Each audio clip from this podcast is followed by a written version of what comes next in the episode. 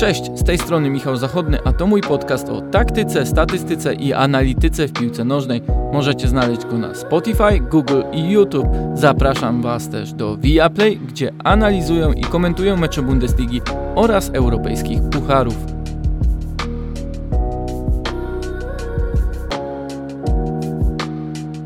Ktoś mógłby powiedzieć, że dziewiątą drużynę Premier League wyróżnia jedynie najwyższa w Europie liczba remisów w tym sezonie. I też e, zdobycie punktu z rozbitą, zmęczoną fizycznie i psychicznie Chelsea nie jest ostatnio jakimś wielkim wyczynem. Natomiast uważam, że o Brighton i o Grahamie Potterze warto porozmawiać, bo to, co dzieje się e, w jego drużynie na boisku, jak i poza nim, odbiega od pewnej normy, pewnego postrzegania tego, czym jest klub piłkarski, a czym zajmować ma się trener e, drużyny? Zacznijmy od boiska. Niedawno widziałem świetne zestawienie poszczególnych zawodników Brighton, które oddaje zmiany systemu nawet lepiej niż sama obserwacja meczu. Patrząc na różne role Leandro Trossarda, Alexa McAllistera, Pascala Grossa, Soliego Marsza, Dana Berna czy wreszcie Jakuba Modera, można stwierdzić, że oni nie są dopasowani do konkretnej pozycji w konkretnym e, systemie. To również przecież zależy od kombinacji zawodników, których wybiera na mecz Graham Potter, ale przede wszystkim od tego, jak już w meczach ci piłkarze są w stanie obserwować się nawzajem, rozumieć swój sposób poruszania i znaczenie wymienności pozycji. We wczorajszym meczu z Chelsea obserwowałem Kubę Modera, który w tym sezonie grywał już w zasadzie w czterech różnych rolach, bo zaczynał jako środkowy pomocnik, ale też był wahadłowym, skrzydłowym, bardziej defensywnym pomocnikiem, a przeciwko Chelsea nawet fałszywą dziewiątką. I w trakcie tego meczu dostałem pytanie na Twitterze, jakim systemem zagrało Brighton z Chelsea. I sam zacząłem się zastanawiać, czy e, Lamptey był skrzydłowym, czy bardziej wahadłowym. Podobnie jak Kukureja na lewej stronie. A może nie trzeba komplikować, e, tylko powiedzieć, że to było 4-4-2 z diamentem w środku pola, tak jak już Brighton e, grało, z diamentem, na którego szczycie zagrał Moder i w fazie defensywnej przez zejście Lampteya i Welbecka do boków było to już bardziej 4-5-1. Jednak były też momenty, gdy przecież Weltman spełniał bardziej rolę jednego z kolejnych asekurujących, ale trzech obrońców. Z kolei Moder okupował momentami i Thiago Silva i Antonio Rudigera, by Lamptey mógł rywalizować wyłącznie z Alonso. I tak po kilkunastu godzinach przeglądam notatki, e, które sporządziłem w trakcie meczu przeciwko Chelsea i trochę łapię się za głowę z odczytaniem ponownie tego, jak różne wnioski miałem odnośnie gry pozycyjnej poszczególnych zawodników. Wracam do konkretnych minut i wpadam też w taką typową pułapkę. Skupiam się na systemie zamiast patrzeć na rolę zawodnika.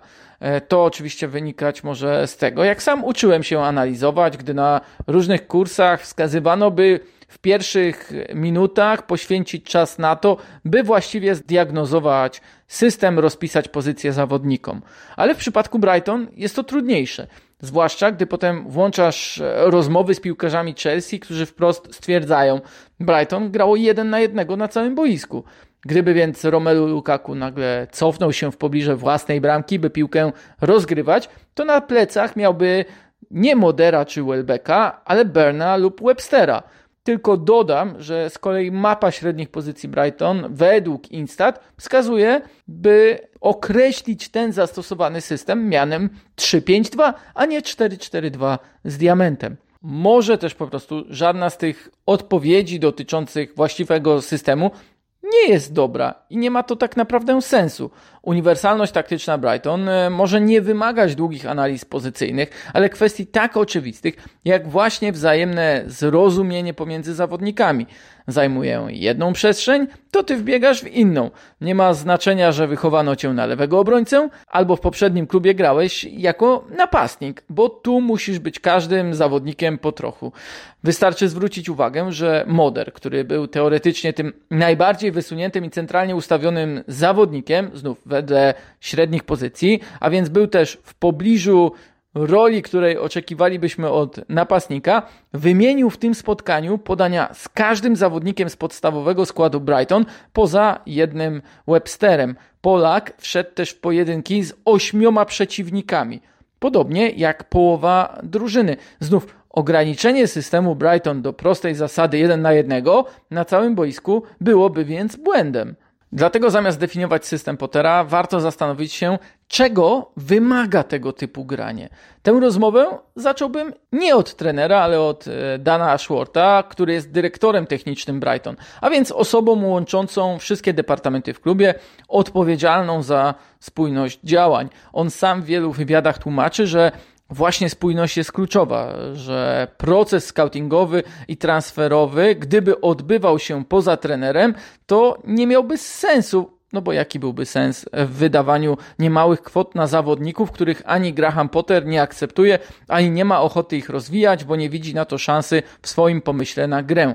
Ashworth wskazuje, że w takich sytuacjach Potter woli najpierw spojrzeć na to, jakimi faktycznie dysponuje zawodnikami Brighton i czy z kogoś nie można wycisnąć więcej, kogoś ściągnąć z wypożyczenia, kogoś przeprofilować na innego rodzaju rolę. Takim przykładem był Daniel James, którego Potter miał w Swansea. E, był on wypożyczany z dala od pierwszej drużyny, ale poprzez wsparcie trenera w procesie treningowym nagle stał się piłkarzem na miarę dużego transferu do Manchesteru United. Jednocześnie także ewolucja Modera, który po przejściu ubiegłej zimy w Brighton zaczął grać w lidze od drugiej połowy marca, też o tym świadczy. Praktycznie w każdym meczu dostawał kolejne szanse, dłuższe lub bardzo krótkie, ale był stopniowo rozwijany, stopniowo dodawano mu kolejną rolę, dodawano mu kolejne obowiązki na boisku, kolejne wyzwania przed nim stawiano w takim taktycznym e, sensie rozumienia gry i trzy ostatnie kolejki poprzedniego sezonu wystąpił już e, w pełnym wymiarze czasowym, a w tym sezonie w ponad połowie występów był wyborem w pierwszym składzie. Wszystko, co dzieje się w klubie, Ashworth sprowadza do DNA Brighton, ale nie tyczy się to wyłącznie sposobu gry. DNA to zresztą takie określenie, które Myślę, że trochę w ostatnim okresie z racji nadużywania przez kluby, które nie wiedzą jak to wdrożyć, czym to w zasadzie jest i e, na czym powinno się opierać, zostało zdewaluowane. A przecież nie chodzi wyłącznie o sposób gry. Ashworth podkreśla, że e, to również planowanie ścieżek zawodników, działanie departamentu medycznego, poszukiwanie jakości o niższej wartości na rynku transferowym. E, wspominał o tym w wywiadzie dla Coaches Voice, że w Brighton e, bardzo cenią sobie to, jak obrońcy zachowują się przy piłce i robią to bardziej jako klub niż większość rywali na rynku transferowym. Dzieje się tak zresztą nie tylko w transferach, ale też w wychowywaniu młodzieży. Chodzi oczywiście o umiejętności techniczne, pewien poziom też odwagi. Efekty takiego działania widać jak na dłoni. Latem do Arsenalu za 50 milionów funtów odszedł Ben White, rozwinięty przez swojego trenera właśnie w tym względzie, ale nie robiono w Brighton żadnej tragedii, bo oznaczało to jeszcze większą odpowiedzialność za rozegranie dla Adama Webstera, który do Brighton trafił latem 2019 roku, a to on w poprzednich dwóch sezonach był w ligowej czołówce pod względem progresywnego wprowadzenia piłki, a wczoraj przy okazji meczu Jamie Carragher napisał, że to jeden z najlepszych w tym elemencie gry obrońców, jakich ma Anglia. Ta filozofia Brighton to też żadna wielka filozofia to rozwiązania zdroworozsądkowe. Ashworth zaznacza, że mając dwóch bardzo dobrych napastników w drużynie do lat 18, nie może to e, oznaczać, że jeden będzie siedział na ławce, bo w akademii gra się tylko 4-3-3. Byłoby to stratą wartości, jaką jest talent, potencjał tego zawodnika. On sam wielokrotnie podkreślał, że w swojej pracy, karierze zawodowej zawsze stawiał sobie jeden cel nie pozbawiać młodych ludzi szansy. Odnosił to nie tylko do zawodników, ale i pracowników klubu. Mówi, że dopiero po otrzymaniu takiej szansy jest w stanie sprawdzić, czy taka osoba nadaje się do radzenia sobie z presją czasu, otoczenia, e, z warunkami. Brighton oczywiście nie ma najmłodszego składu w lidze, ale Choćby z Chelsea zagrało w wyjściowym składzie sześciu zawodników poniżej 25 roku życia, chociaż wcale nie udaje się osiągać Brighton celu, jakim jest 30% czasu gry dla wychowanków klubu, to w Premier League mają trzeci najwyższy procent czasu, zaraz za Chelsea i Manchesterem United. To już świadczy o tym, jak klub spójnie jest budowany.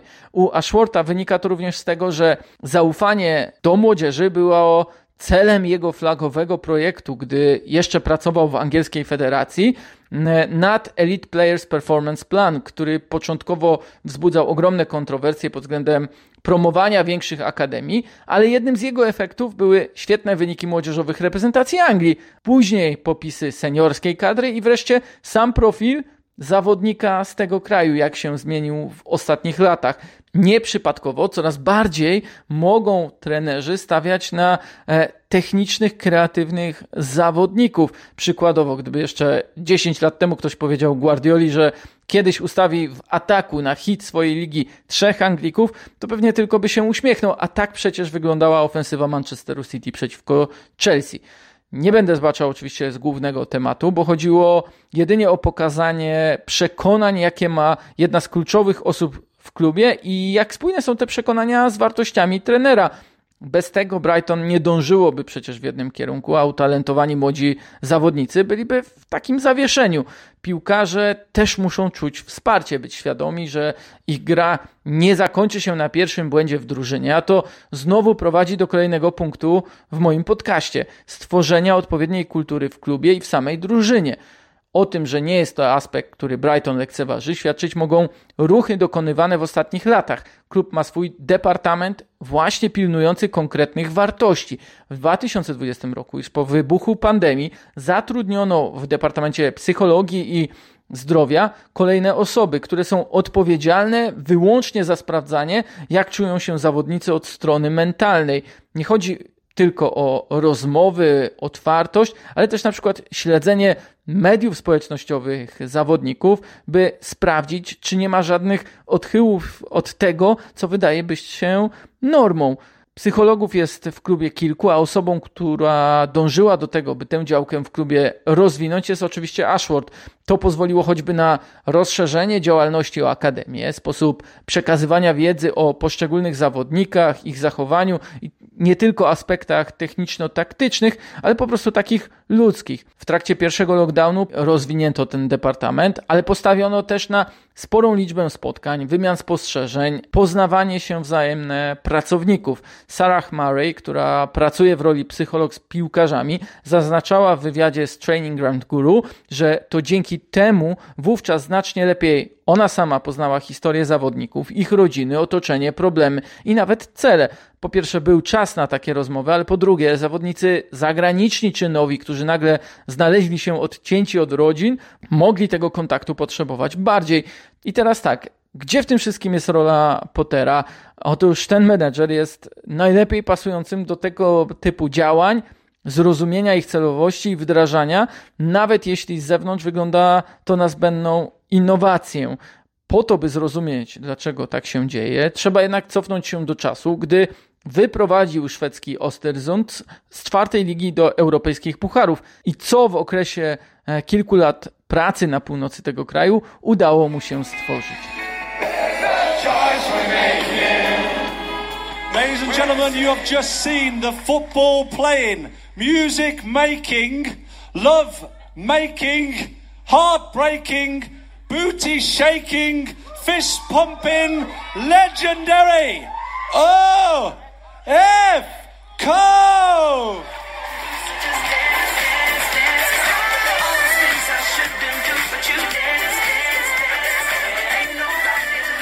Przed chwilą słyszeliście właśnie Grahama Pottera, który prezentował swój zespół na scenie po jednym z kilku koncertów, czy też występów artystycznych, jakie przygotowali jego piłkarze. Śpiewali, tańczyli, był beatboxing i trochę aktorstwa, a w tym wszystkim aktywny był również trener i jego sztab.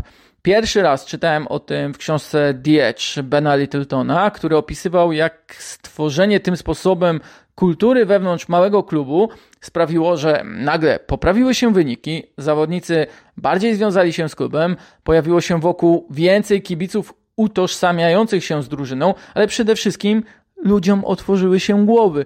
Tych sposobów zresztą było więcej. E, Potter w nowym dla siebie środowisku zorganizował klub książki. Gdzie wymieniano się lekturami, dyskutowano o tematach zupełnie nietypowych dla piłkarskiej szatni. Zawodnicy stali się również autorami swojej książki, w której oni, jak również inni pracownicy klubu, dzielili się swoimi historiami o tym, jak dotarli do e, tego miejsca, do Ostersund. E, organizowano również warsztaty artystyczne, e, które prowadziły do otwierania wystaw w lokalnych szkołach Piłkarze byli częstymi gośćmi na spotkaniach, e, czy czytali książki dzieciom, wymieniali się z nimi uwagami, odpowiadali na pytania, a w 2015 roku cała drużyna zatańczyła jezioro Łabędzi. To otwieranie głów przenosiło się również na treningi, by napomknąć również o tej części piłkarskiej. Oczywiście, że omawiany na wstępie system gry Brighton brzmi na bardzo skomplikowany, i trudny do wdrożenia, ale jeszcze w Ostersund warsztat Pottera określano jako dosyć bezbolesny w kontekście przyswajania przez zawodników konkretnych aspektów w grze. Nie wskazuje on bezpośrednio, co mają robić od A do Z w treningu, ale konstruuje je tak, by sami odnajdywali te właściwe rozwiązania, które potem stanowią o uniwersalności taktycznej, szybkości gry, umiejętności utrzymania się przy piłce, odwadze w pressingu itd. Tak w tym wszystkim najważniejsze jest to, na jakim poziomie zawodnik podejmuje decyzje w trudnych warunkach, czy czuje się w tym swobodnie, czy robi to e, w zasadzie bez zastanowienia. Znalazłem też na stronie angielskiej federacji kilkupunktowe wymienienie najważniejszych dla Pottera kwestii w jego warsztacie. I tak, na pierwszym miejscu jest przejrzystość. Oznacza ona, że jako trener nie może przed nikim się chować, musi być sobą, być otwartym. Nie może grać w żadne gry z zawodnikami. Drugą wartością jest długoterminowość. Potter e, twierdzi, że lubi rozwijać ludzi, wpływać pozytywnie na ich życie, nie tylko poprzez tworzone środowisko, ale bezpośredni wpływ. Jako trzecią wymienił szczerość. Zaczynając pracę w Szwecji w trudnej pozycji, w niskiej lidze, w trudnej atmosferze, przy braku zaufania, wiedział, że negatywnych rzeczy pozbędzie się wyłącznie będąc otwartym, szczerym i godnym zaufania, działając tak, by nie były to tylko słowa. To z kolei przekładało się na kolejny aspekt, czyli wiarygodność. Wiarygodność w byciu liderem, niezależnie od tego, jakie osiągał wyniki, wygrywał czy przegrywał, to musiał być w tym wszystkim stały w swoich e, działaniach. Jasne, że będzie 1% sytuacji, zdarzeń, w których on sam twierdzi, że może sobie pozwolić na nieprzewidywalność, by nawet sami zawodnicy byli czujni, ale potrzebna jest ta ciągłość. Ciągłość oraz wreszcie profesjonalizm. Potter tłumaczył, że nie uznaje perfekcjonizmu i nigdy nie twierdził, że zna wszystkie odpowiedzi, bo profesjonalizm dla niego to robienie wszystkiego, co tylko można, brania na siebie odpowiedzialności, analizowania, co się dzieje, by stawać się lepszym. Chce tworzyć środowisko, w którym piłkarze czują się mocni, pewni siebie, zmotywowani, by samemu podejmować decyzje i się ich trzymać. Do tego dochodzi aspekt odwagi w podejmowaniu decyzji. Jeśli odwaga to jedna z Twoich cech, to trzymaj się jej niezależnie od skali wyzwania, tak twierdzi Graham Potter. I jako przykład możemy podać wrażenia jednego z jego byłych zawodników. Glenn Murray pracował z Potterem przez prawie dwa lata już na końcu swojej kariery, a wspomina, że po raz pierwszy spotkał się z takim naciskiem na to, by zawodnicy nie przejmowali się błędami, bo trener je rozumie. To miało przekładać się na szybkość, z jaką przechodzili do kolejnego działania. Nie rozpamiętując, nie myśląc o konsekwencjach, nie załamując się, ale reagując. I dopiero brak reakcji jest tym, co irytuje Pottera. Jak przekłada się to wreszcie na grę Brighton? Mowa oczywiście o odwadze w kontekście ich stylu, podejścia do takich meczów jak z Chelsea, ale też Manchesterem City i Liverpoolem. W poprzednim sezonie wszystko co dobre w drużynie przesłoniła jednak wysoka nieskuteczność, ale już wtedy wiele Brighton robiło dobrze na przykład od strony defensywnej zaliczyli trzeci wynik pod względem odzyskanych piłek w strefie wysokiej i trzeci wynik ataków, które po takich działaniach kończyły się strzałami. Bramki, no tych było tylko trzy, e, co już stawiało ich w dolnej części ligowej klasyfikacji, a więc dlatego wspominałem o nieskuteczności ale już wysoki pressing przełożył się na to, że ich rywale pod względem goli oczekiwanych z gry stworzyli sobie szans o łącznej wartości wyższej tylko od rywali Chelsea i City, a więc zespół nie dopuszczał swoich rywali, e, gdy oni rozgrywali ataki do zbyt wielu klarownych okazji. W obecnym sezonie oglądamy rozwój tej drużyny, tego pomysłu Grahama Pottera. Brighton ma drugą najlepszą defensywę pod względem tego, jak bronią ataki pozycyjne i kontry rywali. E, z kolei w ofensywie ich ataki są piątymi najdłuższymi, e, mają czwarty wynik pod względem średniej liczby podań oraz liczby przynajmniej dziesięciopodaniowych ataków. Wciąż brakuje w ich grze tego elementu szybkości po przechwycie, bo w efektach gry bezpośredniej są na końcu klasyfikacji, ale to też wynika z tego, że Brighton bardziej myśli o kontroli. I choć był w tym sezonie przypadek, że po bezbramkowym remisie część kibiców wygwizdała zespół, to taką ich postawę przyjęto ze sporym zdziwieniem, a Brighton raczej się chwali za właśnie styl oparty na posiadaniu piłki, odwagę w grze. W tym sezonie i tak są skuteczniejsi oczywiście niż w poprzednim, ale wciąż mają takie mecze jak z Chelsea, gdy ich przewaga wcale nie przekłada się na konkretne sytuacje lub gole, choć wizualnie sprawiają wrażenie mocnego, spójnego e, i odważnego zespołu.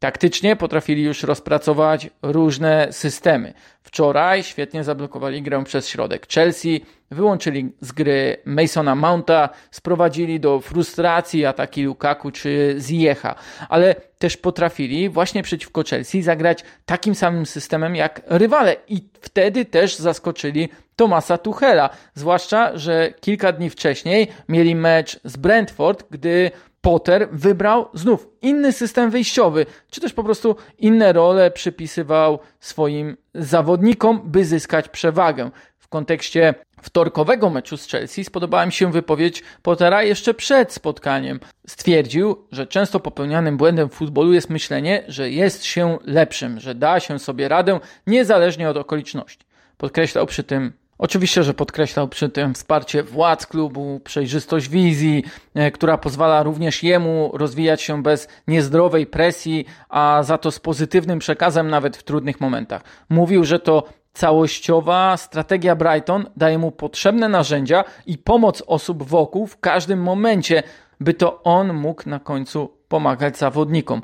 To jest właśnie kultura klubu sam w tym podcaście wpadam w pułapkę częstego omawiania tego, jak działają trenerzy, jakie mają pomysły. Ale Potter wielokrotnie mówił o potrzebie zachowania równowagi pomiędzy narzuconą organizacją gry i swobodą pozostawioną piłkarzom, by to oni mogli realizować się na boisku. To w końcu jest ich gra, to oni podejmują decyzję, to oni muszą odnajdywać się pod presją, działać przejrzyście i szybko. Bez trenera, który nie ma otwartej głowy. Nie udałoby się otworzyć głów zawodników. Fajnie widzieć, że choć od taktycznej strony w futbolu pewnie widzieliśmy już sporo, jak nie maksimum możliwości, to nadal te zakulisowe działania na zasadzie budowania relacji, atmosfery, przekonań lub charakteru mogą się różnić i dostarczać nowych przemyśleń i przykładów. Na Brighton jako klub i na Pottera jako trenera warto więc patrzeć nie tylko z czysto piłkarskich powodów. Jeśli spodobał Ci się ten odcinek, to zachęcam do subskrypcji moich kanałów, zostawienia komentarza, polubienia lub podania dalej podcastu. Dzięki i do usłyszenia.